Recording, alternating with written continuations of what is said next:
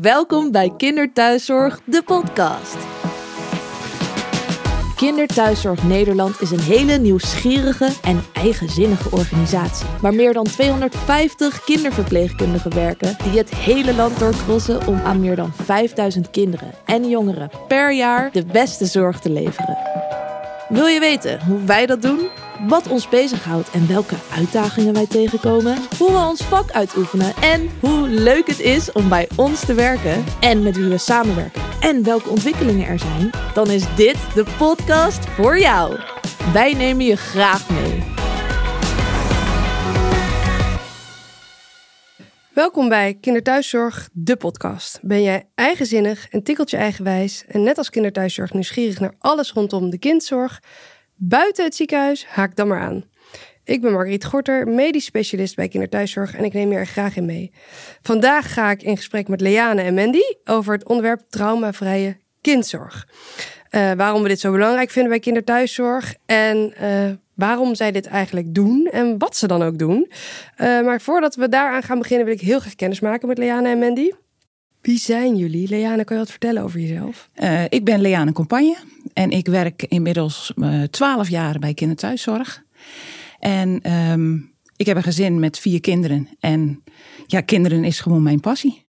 En is dat traumavrij verlopen? En, uh, Voor alle partijen? nou, het, ja, ja, wel redelijk. Jawel, jawel. en Mandy, vertel, wie ben jij? Ik ben uh, Mandy Tentijen, 30 jaar en ik werk ook als kinderverpleegkundige in regio Twente bij kinderthuiszorg. Uh, ik heb een zoontje van bijna twee. En uh, nou, onder andere samen met Liane en een aantal andere collega's proberen wij ons binnen de organisatie in te zetten voor alles wat te maken heeft met traumavrij verplegen. Ik vind het heel mooi. Ik ben nu al blij met deze podcast. Um, maar ik wil wel een heleboel van jullie leren vandaag. Uh, want ik denk dat traumavrije kindzorg niet het verleden is, maar wel de toekomst. Hè? Vroeger dachten we nog dat we babytjes konden opereren zonder verdoving. En gelukkig zijn we heel erg ver weg van die tijd. Um, en waarom vindt kinderthuiszorg dit nou zo belangrijk? Kijk, dat wij aan tafel dit belangrijk vinden, nou daar ligt onze passie. Maar waarom vindt kinderthuiszorg dit ook zo belangrijk? Ik denk omdat kinderthuiszorg juist hele goede zorg wil leveren aan hun kinderen. En, en daar hoort dit enorm bij. Als je, als je nadenkt wat voor trauma's een kind op kan lopen door alle handelingen. Wat ik net ook al zei. Ja, wij, wij zijn niet thuis bij het kind om leuke dingen te doen of met ze te spelen. Wij komen echt wel dingen doen die het kind niet leuk vindt. En als je dat op een goede manier kan doen en daarmee een trauma kan voorkomen, dan denk ik dat je heel veel gezondheidsproblemen op latere leeftijd kan voorkomen. Ja, ja want dat is eigenlijk wel iets dat we steeds meer weten. Hè? Dat als ja. je die kinderen ja. vertrouwd maakt met de gezondheidszorg op de meest positieve manier, dat ze later ook minder zorgmijdend gaan zijn. Um, Mandy, hoe zie jij dat? Het is ook bekend dat kinderen die trauma's uh, op jonge leeftijd ervaren, hè, van wat voor aard dan ook, dat die ook op latere leeftijd uh, gezondheidsproblemen van allerlei uh, ja, soorten kunnen krijgen. Dus dat maakt ook wel duidelijk wat het belang is van traumavrij verplegen. En ook welke inzet wij daar als kinderverpleegkundigen bij kunnen hebben in de thuissituatie. En dat maakt ook, denk ik, nou ja, waarom de organisatie, maar ook wij als individu dat zo belangrijk vinden.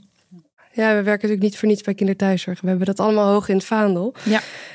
Um, hoe, kan je, kun je me meenemen um, in hoe, hoe dat dan gaat? Hoe krijg je uh, vertrouwen van zo'n kindje? Je belt aan. En dan? Nou, dan wordt de deur open gedaan en dan zie je, dan voel je eigenlijk al een beetje, ja, ik zeg altijd, wij voelen altijd heel veel. Um, dan voel je eigenlijk al in wat voor gezin je binnenstapt. En dan weet je al een beetje of ouders het enorm tegenop zien wat er met hun kind gaat gebeuren het kind kruipt soms weg. En dan, uh, ja, wat wij dan, wat ik dan doe, is, is met name uh, eerst proberen het kind een beetje uit de tent te lokken. En op het moment dat, dat je het gevoel hebt dat dat lukt, dan kan je verder gaan. Maar als je ziet dat een kind enorm in de schulp kruipt, dan moet jij misschien ook even een stapje terug doen.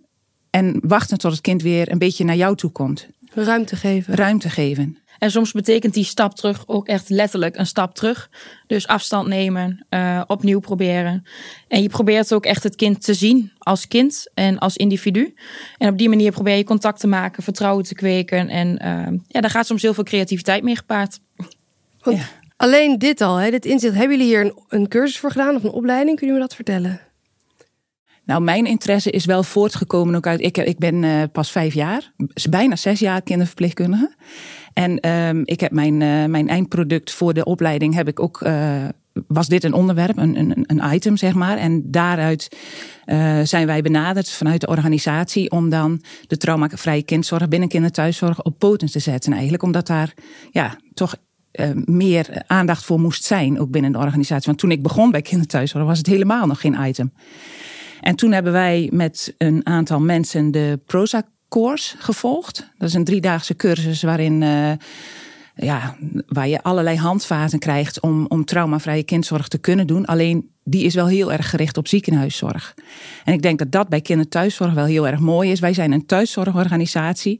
En dat is toch heel anders, want wij doen niks met lachgas in een ziekenhuis praten ze over lachgas. Of hebben ze hele uh, onderzoekskamers met, met, met van allerlei uh, uh, bewegende beelden. Ja, beamers, beamers lichtjes, ja, precies. Muziekjes. En in de thuissituatie heb je dat niet. En, en, maar goed, die cursus heeft voor ons, was voor ons wel de basis. En van daaruit zijn wij als groep verder gegaan om het te bedenken wat binnen kinderthuiszorg dan heel handig is. Ja, want wat jij nu even zo noemt, hè, want het is pas eigenlijk een jaar of vijf, zes. Maar dat is natuurlijk een landelijke trend. Hè? Dat is niet alleen bij kinderthuiszorg. Ja. Um, want hè, wij worden nu heel goed, of althans jullie worden heel goed hierin opgeleid. Want volgens mij krijgt bijna iedereen die Proza-cursus nu, toch? Of is iedereen die hem krijgt inmiddels? Het heeft wel een groot gedeelte van de collega's hebben die cursus al gevolgd. Maar wij proberen hem binnen de organisatie ook te integreren, zeg maar. Dus nu, uh, alle collega's kunnen zich inschrijven voor de, voor de scholing voor Comfort Talk. Ja. Wat, wat, wat wij heel belangrijk vinden, omdat dat de basis is. Ja. Ja. Want je neemt altijd jezelf mee. Nou, en je mond heb je bij je. nou, gelukkig wel zeg. Ja. Hey, en is dat in de ziekenhuis dan ook al zo wijd verspreid? Want ik kan me voorstellen, bij ons gaat het allemaal net wat sneller, omdat wij toch in die zin een kleinere organisatie zijn. Ja, ik, ik, maar er zijn heel veel dingen die in een ziekenhuis werkt, dat volgens mij allemaal een beetje trager. Ja.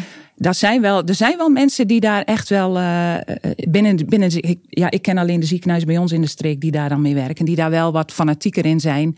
Maar het blijft vaak maar klein, heb ik het idee. Ja. En het is ook eigenlijk niet te vergelijken um, hoe je het in het ziekenhuis inzet en hoe wij het in onze werkzetting inzetten. Um, wij hebben geen pedagogisch medewerker in onze rugtas. Dus we moeten het doen met de omgeving waar we komen, waarvan we in 9 van de 10 gevallen niet altijd weten hoe die eruit ziet. Het gezin misschien nog niet kennen. Uh, we hebben onszelf en onze tools bij ons, maar daar moeten we het wel mee doen. Dus um, dat maakt het divers. Ja, dan wil ik toch wel met jullie uh, een klein stukje de diepte in. Want je zegt, ik heb mezelf bij me en mijn mond. En Comfort Talk, dat is het begin. Ja. Kan je daar heel kort iets over vertellen? Uh, wij, wij proberen, ja, ik zeg, het klinkt heel gemakkelijk, maar het is echt heel moeilijk om uit te voeren. Uh, wij proberen het woord pijn niet te zeggen. Uh, het woord prik niet te zeggen. Dus eigenlijk probeer je alles wat je gaat doen positief te benaderen. Dus alle negatieve woorden die laat je weg. Ja. Ja. En dat doe je met als reden omdat het woord pijn bijvoorbeeld onbewust al pijnklachten met zich mee kan brengen. Dus op het moment dat jij een kind vraagt van heb je pijn of doet iets pijn, dan beleeft het kind 9 van de 10 keer beleeft het ook pijn. Terwijl dat helemaal niet zo hoeft te zijn, maar het woord heeft gewoon een negatieve lading. Uh, dus dat probeer je te vermijden. En het woord prik, uh, hoe leg je dat dan uit? Uh, nou, we gaan jou medicijnen geven. Ja. En voordat we jouw medicijnen hebben, eh, voordat we dat gaan doen, hebben we al de toverzalf uh, op, je, op je velletje aangebracht. En, en die poetsen we nu weg. En dan gaan we jou de medicijnen geven. En moet jij straks even vertellen hoe dat voor jou voelde, want ik weet het niet zo goed. Ja, prachtig eigenlijk hè. En want ik, ik lees ook ergens focustaal. Wat is dat dan? Is daar nog een verschil tussen comfortok? Want dit is dus comfortok. Ja.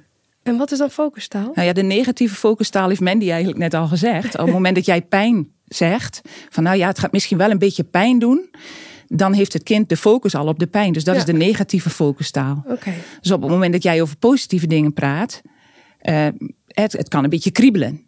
Dan heeft het kind meer focus op het kriebelen dan dat het pijn zou zijn. Wauw. Dus gewoon eigenlijk een klein stukje magie, hè, wat jullie doen. Ja. Dat proberen we.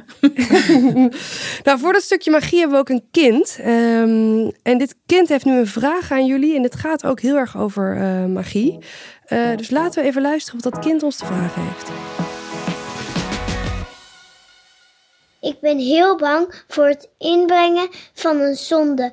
Hoe kunnen jullie me helpen? We proberen jou uh, eerst te helpen door nou, in ieder geval contact met jou te maken, uh, vertrouwen te kweken. En dat kan op heel veel verschillende manieren. We gaan eerst uh, tijd nemen om elkaar te leren kennen. misschien kunnen we een spelletje vooraf doen. Um, en daarna gaan we gewoon hele duidelijke afspraken maken over wat we gaan doen, maar met name ook hoe we dat gaan doen. Hoe wij jou kunnen helpen en hoe je ons kunt helpen. Um, en daar vragen we papa's en mama's hulp ook bij. Nou ja, en het kan best zo zijn dat, dat je misschien helemaal niet doorhebt hoe jij ons kunt helpen. Bij het inbrengen van een zonde bijvoorbeeld uh, kan het heel goed helpen om een slokje water te drinken tijdens het inbrengen. Uh, en daardoor help je ons om de zonde in te brengen. En soms kan je ons zelfs helpen om het slangetje in te brengen. Absoluut, ja. Slangetje moet ik niet zeggen natuurlijk. Slangetje is natuurlijk dan weer die ja, negatieve focustaal. Zo moeilijk is het dus. Ja, maar dat is wel eigenlijk een ja. heel mooi voorbeeld. Ja. He, want we hebben het over een prik, mag ik niet zeggen. Een slangetje, mogen we niet zeggen. Maar wat zijn nou de handelingen waarvan jullie zeggen die geven de meeste stress? Nou, de zonde inbrengen staat wel ja. nummer één, denk ik. En dat is ook omdat het in, hun, in het gezichtsgebied gebeurt. Ja. En voor heel veel kinderen uh, die een zonde nodig hebben, is het gezichtsgebied natuurlijk al heel erg negatief geprikkeld. Dus zonde inbrengen levert vaak wel stress op, maar ook wondzorg. En je merkt ook inderdaad, omdat je tijdens het inbrengen van de zonde echt direct in het gezicht van het kind bezig bent, dat uh, afleiding in de vorm van een filmpje of een spelletje gewoon moeilijk is, omdat je de handeling niet uit het zicht kunt halen. Uh, wondzorg inderdaad, maar ook het uh, naaldgerelateerde uh, handelingen zijn wel ja, zijn spannend voor kinderen ja. doorgaans. Ja. Het is bijna een woord voor galgje, hè? naaldgerelateerde handelingen. Ja. ja, maar ik vind het wel heel, het is heel duidelijk wat jullie vertellen. En, en stel nou, uh, ik ben 14 of ik ben 6. Hoe gaan jullie daarmee om? Want je hebt dus en al die, die handelingen die je al niet negatief wil benoemen. Um, maar het zijn wel echt dingen die je moet doen. Hè? Uh, en dat doe je uit belang van het kind. En dan heb je nog een kind van 6 en dan ga je daarna naar een kind van 14. Hoe doe je dit nou? Ja, dat maakt dat wij de leukste baan van Nederland hebben, toch? ja. ja, een kind van 6 heeft een hele andere benaderingswijze nodig dan een kind van 14. En een kind van 14 kan je, ja, daar kan je veel beter afspraken mee maken. Grotere afspraken om tot een, een, een goede werkwijze te komen. En bij een kind van 6 maak je kleinere stapjes. Maar op het niveau van het kind. Het blijft altijd uh, maatwerk, zoals we zo mooi Absoluut. zeggen. Ja. En een beetje aanvoelen dus ook. Wat ja. je net al zei, hè? dat ja, gevoel zeker. als ik binnenstap is eigenlijk heel erg belangrijk. Ja, ja. en het stukje eigen regie aan het kind teruggeven, zeg maar, hè, binnen de mogelijkheden die daarin zijn, passend bij de handeling, is ook iets wat we heel erg belangrijk vinden. Uh, en dat kan heel klein zijn, van goh, wil jij de handeling op stoel of op de bank, of met papa of met mama, uh, tot, uh, nou ja, bij, bijvoorbeeld bij een kind van 14 jaar zou je misschien al een deel van de handeling aan het kind over kunnen geven, of kunnen helpen met de voorbereidingen. Dus we proberen je het kind niet te overroelen, maar zelf ook keuzes te laten maken. ehm, zodat het eigen inspraak heeft. Binnen de grenzen natuurlijk. Ja. Hè? Ja, ja maar Want wat jij zegt, het moet wel gebeuren. Ja. Ja, Nou ja, dat is ook wel iets wat we weten. Hè? Hoe meer autonomie, hoe Ja. fijner mensen zich voelen. Dus dat raakt eigenlijk heel erg ook aan het stukje hoe je met volwassenen omgaat. zeker. Wat zou de wereld mooi zijn dan, hè? Ja, geweldig. hey, en, ehm, maar jullie doen natuurlijk gewoon wel kinderen pijn.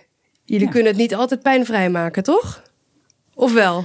Niet volledig, maar er zijn wel heel veel dingen mogelijk om eh, pijn te reduceren. En daarmee ook angst en stress. Eh, zowel medicamenteuze inzet als niet-medicamenteus. En we proberen dus per kind te kijken wat is passend, wat is haalbaar en waar is dit kind bij gebaat. Eh, en zo zijn we creatief bezig in ons werk.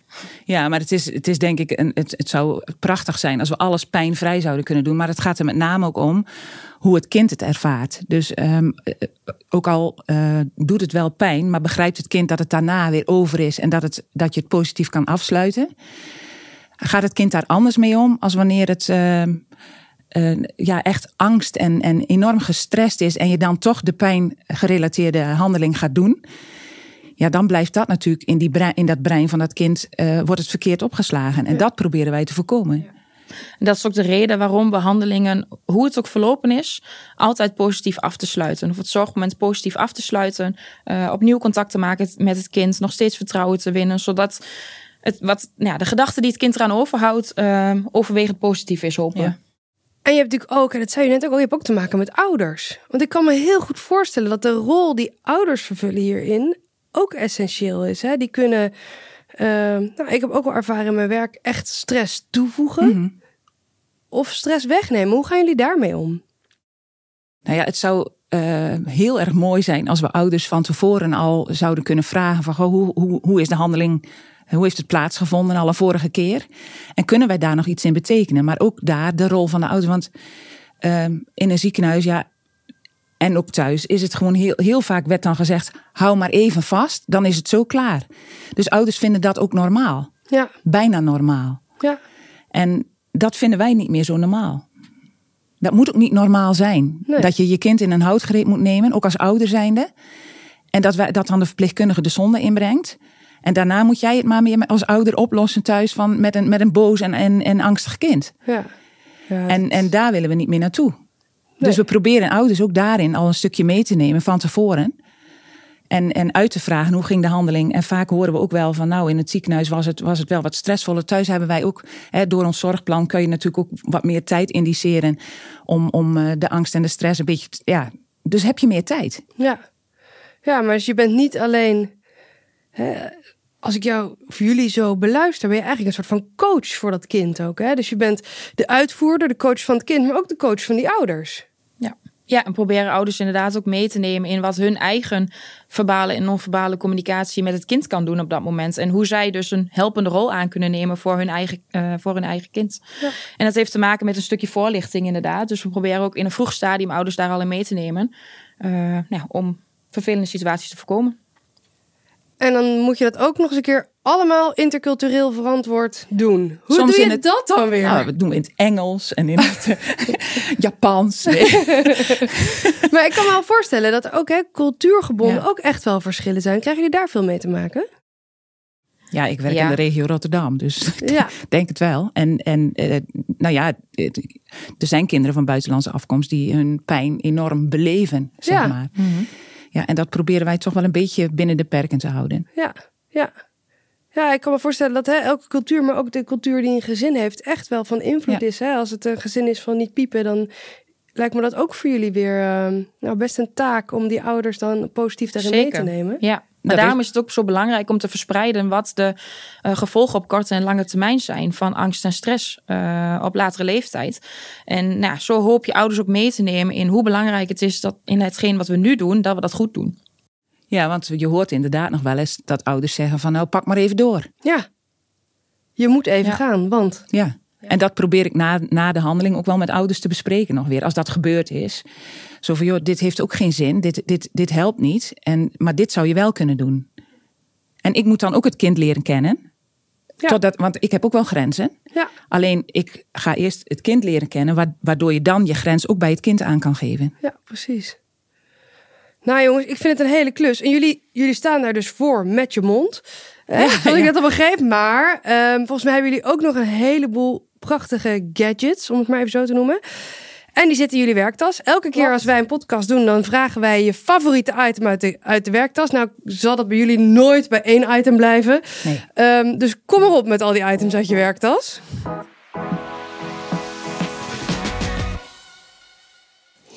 Nou, we hebben inderdaad verschillende tools. ehm, die eigenlijk ieder verpleegkundige ook nou, voorhanden heeft en dus in kan zetten in de thuissituatie bij een kind.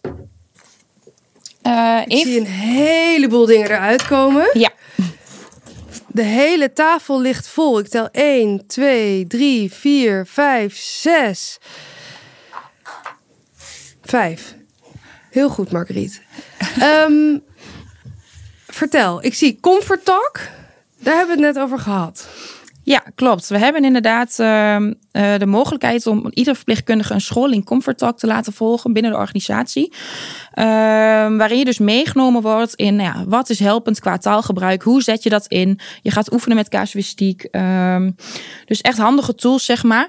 Ehm, maar dat wil niet zeggen dat het meteen vanaf vandaag op morgen geïntegreerd is in je eigen taalgebruik. Dus het, het, nou, het vergt wel wat oefening.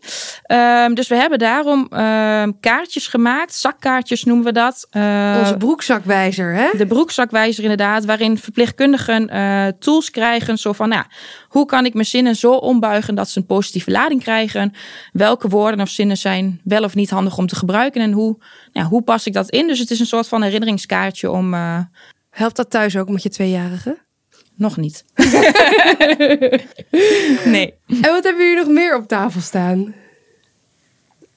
We hebben onder andere een toverstaf. Ieder Kan je verpleegkundige mij, eh, heeft een, Beschrijf hoe die eruit toverstaf. ziet. Ja, het is een, ehm, ja, een staf waar gekleurde glittertjes in zitten en een aantal eh, nou ja, items. Er zitten sterretjes, hartjes, allerlei figuurtjes zitten erin. Ehm, en met name bij de wat jongere kinderen kan die helpen om eh, nou, de fantasie tot leving te brengen. Dus je kunt bijvoorbeeld kinderen vragen: Goh, jij bent vandaag de prinses met de toverstaf. Wat zou je daarmee willen doen? Welke superkrachten heb je? Dus zo probeer je een soort van fantasiebeleving ehm, nou ja, te bewerkstelligen, zeg maar. Eh, maar het kan ook heel goed helpen als afleidingstoel. Dus ehm, de kinderen kunnen we een ontwikkelingsgerichte taak eh, geven, noemen we dat. Dus je probeert een kind echt te laten focussen op hetgeen wat hij ziet. Uh, zo vraag je bijvoorbeeld aan een kind, nou zoek het gele hartje maar eens. En op het moment dat een kind daar heel erg op gefocust is, is de aandacht meer van de handeling af. Want ik zie alle glitters en alle vormpjes zie ik heel langzaam glijden door die toverstaf. En naarmate je hem beweegt gaan ze, gaan ze rustig heen en weer. Het is... Alleen dat is wat mij betreft al rustgevend. En er zit ook een klein belletje in. En hoeveel gele hartjes zijn er dan? Is het moeilijk zoeken? Ja, sommige dingen zijn best moeilijk om te zoeken, ja. Dat klopt. Ja. En doordat een kind daarop zo gefocust is, hoop je dus dat het uh, nou, zo min mogelijk meekrijgt van hetgeen wat jij als verpleegkundige aan het doen bent. En de focus echt te verleggen op iets positiefs. Zelfs ik vind hem prachtig. Ik word ja, er helemaal zen van. Ja, ik word ja. er helemaal zen van. Ja. Hey, en wat hebben we nog meer? Nou ja, we hebben de bellenblaas. Ook als het heel magisch voor kinderen. Die uh, kan je gebruiken zeg maar als, als zijnde het, het wegblazen van iets. Dus ook de ademhaling van het kind gebruik je dan. Maar het bellenblazen op zich, ja, ik was heel blij toen onze kinderen zo oud waren dat ze konden bellenblazen. Mocht ik ook weer bellenblazen. Het blijft altijd magisch. Ja, zeker. En dan hebben we ook nog de buzzy. Ja, daar hebben we het eerder over gehad. Hè? We Klopt. hebben eerder met onze verpleegkundige vakraad hebben we het ja. ook over de buzzy. Die kwam toen als favoriete item ook uit de ja. werktas. Ja, de buzzy is natuurlijk het apparaatje wat helpt bij, uh, ja, bij, het, bij de naaldgerelateerde uh, handelingen die wij doen. En wat doet hij dan? En de, de buzzy zelf is het apparaatje trilt en heeft ook koude vleugeltjes. En de kou en het trillen onderbreekt eigenlijk de, de pijnprikkel die naar de hersenen gestuurd wordt. Dus doordat je de, de trillende apparaatje boven de prikplek zet, um, voorkom je dat, nou ja, voorkom je, ja, probeer je te voorkomen dat de, de pijnprikkel te heftig doorgegeven wordt. Boven de prikplek richting centraal. Precies. Oké. Okay. En de vleugeltjes hebben daar een koude sensatie die uh, zorgen voor een verdovend effect. Ja. ja. ik vind het wel mooi, want ik zie nu eindelijk een keer de lieve heersbeestje, ja. Buzzy. Ik, uh, ik word hier, het lijkt een soort van uh, Barba Papa ja. vind ik. Ja. Een zwarte barbapapa met rode uh, lieve heersbeestvleugeltjes. Ik vind hem gewoon heel gezellig eigenlijk. Ja, ja dat is hij ook. En ja. hij doet heel goed werk. Ja. Dat neemt niet weg dat sommige kinderen ook, want hij trilt best hard. Dat, dat sommige kinderen het trillen ook wel vervelend vinden. En Ja. daarom blijft het natuurlijk maatwerk. Ja. Bij het ene kind is die wel inzetbaar. En bij, de andere, bij het andere kind zal dat niet werken. En hoe probeer je dat dan? Geef je het in hun hand of hoe werkt dat? Ja, ik laat het kind er als het eerst mee spelen. Ja. Zonder de handeling uit te voeren. Ja. Zodat het kind eraan gewend raakt en dat hij ook weet wat hij doet. Want op het moment dat hij hem aanzet en je gaat dan injecteren, dan schrikt het kind waarschijnlijk ook van het trillen. Ja, je wil die schrikreactie ten Nee. alle tijden voorkomen. Juist. Ja. Ja. Ja. Prachtig. Dit is het lieveheersbeestje. Hey, ja. En eh, ik zie nog meer, nog iets liggen. Een, eh, een vogel en een piramide. En die horen bij elkaar, vermoed ik zo. Want die had ik net Klopt. als losgeteld. Maar dat is kwam jij één op zes. item. Daarom kwam ik op het zes, maar het zijn er vijf.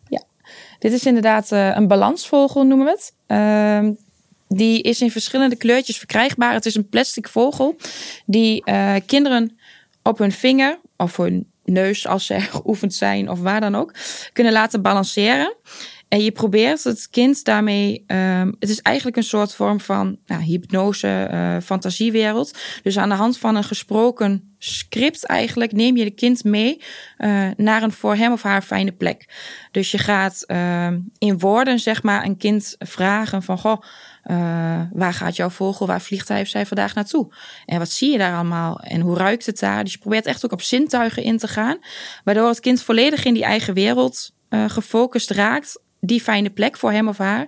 En daar is eigenlijk alles mogelijk. Dus ehm Mits je open vragen stelt. mits je open vragen Ja, stelt. want hoe inderdaad. stuur je dan naar een fijne plek? Want ik kan me zo voorstellen, maar dit kan mijn gebrek aan kennis zijn, hè? dat als een kind erg gestrest is, dat hij, dat hij ook richting een onprettige plek stuurt met die vogel, omdat hij zich gestrest voelt. Hoe, hoe doe je dat dan? Ja, dat heeft echt te maken inderdaad met, met taalgebruik en kinderen ook vragen van goh, waar zou je graag willen zijn? Wat vind je prettig om te zijn? Um, en op het moment dat het kind dan echt de focus heeft bij de vogel, uh, dat kan even duren. Um, daarna ga je ook pas over tot de echte verplicht technische handeling. Ah. En je zou ouders ook mee kunnen nemen um, in het script, zeg maar. Dus je zou ouders ook een, tweede vogel kunnen geven, zodat zij samen met het kind het script kunnen doorlopen en naar die fijne plek kunnen gaan. Waardoor jij je als verpleegkundige volledig kunt focussen op de handeling. Um, lukt dat niet, of ben je alleen, ja, dan zul je als verpleegkundige en het script en de handeling uh, tegelijk moeten doen, zeg maar. Maar het is een hele mooie tool om kinderen echt volledig af te leiden. Um, focus op een fijne plek te geven. Uh, waarin ook ruimte is voor hun eigen fantasie. Um, en door door het stellen van open vragen uh, ja, is er heel veel invulling voor het kind mogelijk. En vanaf welke leeftijd gebruiken jullie dit? Ja, de balansvogel moet je echt het kind wel goed kunnen bereiken, zeg maar. Dus het moet wel kunnen begrijpen en, en een fantasie hebben. Nou ja, de fantasie begint bij een jaar of zes. Dat die echt uh, rijkelijk aanwezig is. Ja. En, en, uh, en wat jij vroeg net, hè, hoe ga je dan naar een fijne plek? Ja, dat probeer je een beetje te sturen natuurlijk. Het kind is vast wel eens op vakantie geweest. Of een keer naar de Efteling geweest. Of dat probeer je wel een beetje te sturen vooraf. Ja. Ja, dus eigenlijk allemaal ook weer te maken met het, met het maken van een goede connectie. Ja, je begint nooit zomaar met de balansvogel. Nee. Je hebt daarvoor, daarvooraf gaat al een gesprekje om het kind te leren kennen. Dus dan ja, voel je ook wel een beetje aan waar het kind dan naartoe zou kunnen Want gaan. het is best een grote vogel. Ik denk dat hij zo groot is als mijn hand ongeveer. Deze is zwart met groen en oranje. Um, en een wit buikje heeft hij. En hij staat prachtig op zijn neusje. Ik vind het wel ingenieus. Uh, ja, en dat gemaakt. is ook de sport natuurlijk, om hem op je vinger goed stil te houden. Want ja. als je je vinger beweegt, dan valt hij eraf. Dus dat is ook een manier van focussen op die vogel, dat hij niet van je vinger valt. Ja, zij moet echt balanceren op die neus. Ja. ja. Op je neus is heel mooi, ja. Uh, of uh, op een piramide, ja. zoals die nu balanceert. Ja. Ik vind dit echt heel veel mooie items, jongens. Um, en we hebben nu het gehad over de dingen die we kunnen doen met, met, met gadgets, met spraak. Maar ik hoorde Leana jou op een gegeven moment ook zeggen: toverzalf. Dus er zijn ook nog dingen die wij kunnen doen met medicamenteuze interventies, om maar zo te zeggen. Ja. Uh, wat hebben we daar allemaal voor? Uh, nou, op het moment dat een kind bij ons aangemeld wordt voor een, voor een uh, injectie, dan is eigenlijk onze tweede vraag: Goh, is er wel Emla in huis. En Emla-zalf is een verdovende zalf die ouders prima een uur van tevoren uh, al aan kunnen brengen. Dus een uur voordat wij komen brengen ouders de zalf aan op de prikplek. Die we dan vooraf al met ouders bespreken, hè, waar, waar, waar wij kunnen injecteren. Breng daar de zalf aan. Ja. Die poetsen wij weg en dan uh, heb je eigenlijk de huid al verdoofd. Ja. En daarbij uh, zijn de kinderen met een zonde waar wij wel eens de dormicum neusspray ook gebruiken. Dormicum geeft een, een uh, ja, een wat, wat slapende, rustgevende, eff, rustgevend effect. Waardoor het kind de herinnering ook niet opslaat. En dat is dan voorgeschreven door de behandelend specialist. Ja, ja. en dat wordt ook eerst in het ziekenhuis uh, uitgeprobeerd. Omdat ja. wij thuis natuurlijk geen controlematerialen hebben. Wij hebben geen nee. saturatiemeter in huis of geen nee. monitor. Dus we willen wel eerst zeker weten dat het kind goed op de dormicum reageert. Dus voordat toegesneden u... op dit kind. Precies, hè? Ja. Ja. ja. ja. Dat is echt heel individueel. Ja, en hoe... Want hoe, uh, uh, je zegt de kinderen worden een beetje slapend of een beetje relaxed daarvan eigenlijk. Um, hoeveel tijd zit er dan tussen die spray en, en het inbrengen? Hoe, ga, hoe, hoe loopt zoiets? En daar zit niet zo heel lang tussen. Uh, de, en, we, en we proberen ook wel. er zijn mensen, er zijn ouders die dat ook zelf wel willen doen. Mm -hmm. Maar ik, ja, het heeft mijn voorkeur om het als verpleegkundige te doen, omdat ja. je toch eigenlijk nooit goed weet hoe het kind daarop gaat reageren. Ja. Dus ja, in tien minuutjes denk ik. Je laat ja. het even inwerken. Wat je, wat je ook nog zou kunnen doen is de, uh, hoe heet die andere spray nog maar weer? Midazolam? Nee, de midazolam en dan de, oh ik heb mijn eindproduct erover geschreven. De lidocaïne spray. Lidocaïne spray, lidocaïne spray, want lidocaïne spray verdooft eigenlijk een beetje de slijmvliezen achter in je neus. Ja. En uh, daardoor, want dat is eigenlijk het vervelende stukje voor het zonde inbrengen. Je prikt ja. hem eigenlijk naar boven, prik je hem in de slijmvliezen en dan is het pijnlijk. Dus als je ja. die eerst ook nog kan verdoven met lidocaïne, dan heeft het kind enorm het gevoel dat je hem helpt, volgens Ja. mij. Ja, precies. Dus het is eigenlijk een beetje verdoven en een beetje rust geven. En dan Ja. die zonde. En hoe lang blijf je dan daarna bij zo'n kind? Want Dan monitor je wel totdat het kind weer goed, eh, Ja. helder, alert is en adequaat. Ja. Maar dat hoort ook gewoon bij ons. Het is nooit alleen de handeling waarvoor Nee. je thuis komt. Het is ook, eh, en met name ook bij een zonde inbrengen. Je wil ook van ouders horen hoe het nu thuis gaat. Want Ja. is de zonde nog wel zo hard nodig? Of, of eet of drinkt het kind wel genoeg, waardoor de zonde er misschien binnenkort wel uit kan? Ja. Ook dat houden we een beetje in de gaten, want dat zou natuurlijk het mooiste zijn. Zeker. ja, zeker. En na ieder zorgmoment proberen we ook een stukje evaluatie in te lassen. Ehm, lukt dat met het kind zelf vanwege de leeftijd, dan is dat heel mooi. Maar, en anders doe je het met ouders. Om te bespreken van, hoe is het vandaag gegaan? Hoe zouden we het een andere keer, of de volgende keer, nog beter kunnen doen? Ehm, en dat ook vervolgens vast te leggen in het eh, digitale dossier. Zodat ook de volgende verpleegkundige op de hoogte is van wat werkt wel of niet bij dit kind. Dus het is nooit alleen de handeling. Het begint inderdaad op het moment dat je over de drempel stapt. En ook de eigen energie die je daar als kinderverpleegkundige in meebrengt. Tot aan het stukje evaluatie, afsluiting van zorg op een positieve manier. Ja, het is echt, ja, ik kan niet anders zeggen dan schitterend. hey, en ehm, dan was er nog iets wat we volgens mij in onze trucendoos hebben. En dat is de VR-bril. Jullie je daar iets goed op de hoogte, vertellen? Margriet. Ga niet zomaar met jullie Nee, zitten. nee, nee. nee. Eh, nou ja, de VR-bril, dat is nog in ontwikkeling. Ehm, ja, dat, dat kan natuurlijk ook een hele mooie tool zijn om het kind af te leiden en in een hele andere wereld eh, plaats te laten vinden. Kijk, wie niet weet wat het is, heeft onder een steen geleefd. Maar kan je toch heel kort even vertellen wat het is? Nou ja, de VR-bril is eigenlijk een, een eh, virtual reality eh, wereld waar, de- waar het kind in terechtkomt. Dus het, het ziet en het voelt. Ik bedoel, ik heb zelf zo'n bril opgehad. En ik was rijdende in een slee. Het voelde ook echt rijdend als in een slee. Heel gek als je gewoon op een stoel zit. Maar dat is wat, het, wat, wat de bril met het, met het kind doet. Het is een, een, een 3D-wereld waarin het kind echt denkt dat hij daar is. Ja. En in, daarin kan je het kind ook ehm, taakjes geven. Ehm, door door eh, dingen te tellen of een opdrachtje te doen, sterren aan elkaar te verbinden en dat soort eh, ontwikkelingsgerichte taken ook aan het kind geven. Waardoor het ook de focus weer ergens anders legt dan op de handeling zelf. En dus heel geschikt dan voor wondzorg. Zeg ik dat goed? Of, Ik denk met name voor vondzorg. Ja. ja. Ja. Ja. En, en eh, krijgen wij dan strakjes zo'n VR-bril? Of, of, of moeten ouders die aanschaffen? Dat is nog heel onzeker hoe we dat gaan doen. Want dat is natuurlijk wel het nadeel van de thuiszorg. Ja. In een ziekenhuis leg je zo'n bril op de plank en kan iedere verpleegkundige hem gebruiken. Maar wij, wij werken vanuit huis. En, en hoe gaan we dat dan eh, praktisch vormgeven? Daar zijn we nog over aan het nadenken, hoe dat zou moeten. ja, dit is eigenlijk bijna een oproep aan de zorgverzekeraars. Lijkt me een hele goeie. Bijna wel. Ja. Traumavrije kindzorg. Minder trauma's voor de kinderen. Meer nou, kracht in de toekomst eigenlijk voor Ja. kind en gezin. Ja. Ja, ik denk uiteindelijk dat de zorg die je op die manier inzet, op den duur bij de kinderen bespaart. Ja, Leidt dus eigenlijk gewoon tot een kostenreductie. Ja, Zeker. denk het wel. Naast dat het leidt tot gelukkige kinderen, gelukkige ouders, gelukkige kinderverpleegkundigen. Ook niet onbelangrijk. Nee. Ja.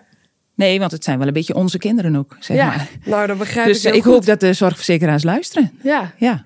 en, en Leane, ik, ik wil je toch nog even iets persoonlijks vragen. Want dat doen we ook altijd in deze podcast. En ik hoor je zeggen, het zijn toch een beetje onze kinderen. Ja. Maar hoe was dit dan vroeger toen jouw kinderen klein zijn? Hebben die wel eens iets nodig gehad waarvan jij dacht, dit is echt, dit Toen kan pakte niet, ik het jongens. echt zo fout aan. Ja? Ja, ik zei gewoon tegen mijn kinderen, je kan wel huilen, maar het gaat wel gebeuren. dat zou ik nu niet meer doen. Nee, dus jij wordt een ontzettend goede grootmoeder strakjes. Eh, ja, wie weet. wie weet. Nee, ja, weet je, dat, dat is... Ook nu heb ik nog wel... Ik, ik probeer het zo goed mogelijk te doen. Ja. Maar soms zit ik nog in de auto en dan denk ik... Oh, dit had ik anders moeten zeggen. Dit had ik anders moeten doen. Zo leer je elke dag. Ja. En zo worden we iedere keer beter in het, eh, in het traumavrije zorg verlenen. Dat moet ook. Als je niet meer Als dat leert, al kan, kan je hè, net want- zo goed ja. eh, stoppen. ja, Toch? Nou, daar was ik nog niet aan toe. Nee, daar zijn we allemaal niet aan toe Nee. dat jij stopt. Dus, eh, Nou, dank je. en Mandy, ehm, oh, jij hebt een zoontje van twee, hè? Ja, bijna twee. Ja. Bijna twee. Ehm, hoe, hoe zie jij dat? Hè? Stel, jij moet voor zijn vaccinaties naar, naar een CB. Hoe, hoe gaat het dan met die rugzak die jij nu hebt opgebouwd met al deze kennis? Nou, daar ben ik nog iedere dag lerende in. Want je merkt wel dat het, nou ja, ergens bij je eigen kind is het toch anders of zo dan als, als kinderverpleegkundige in je werkveld. Snap ik. Uh, maar ik probeer wel inderdaad ook op het consultatiebureau de nou, kennis die ik heb daar ook een beetje over te dragen. Omdat ik wel merk dat het nog niet in alle werkvelden geïntegreerd is zoals we het graag zouden willen. Ehm, en dingen ook niet als normaal te zien. Hè? Eh, leg je kind maar even op de onderzoekstafel om te laten vaccineren. Sommige dingen overkomen je en het gebeurt me ook nog wel eens.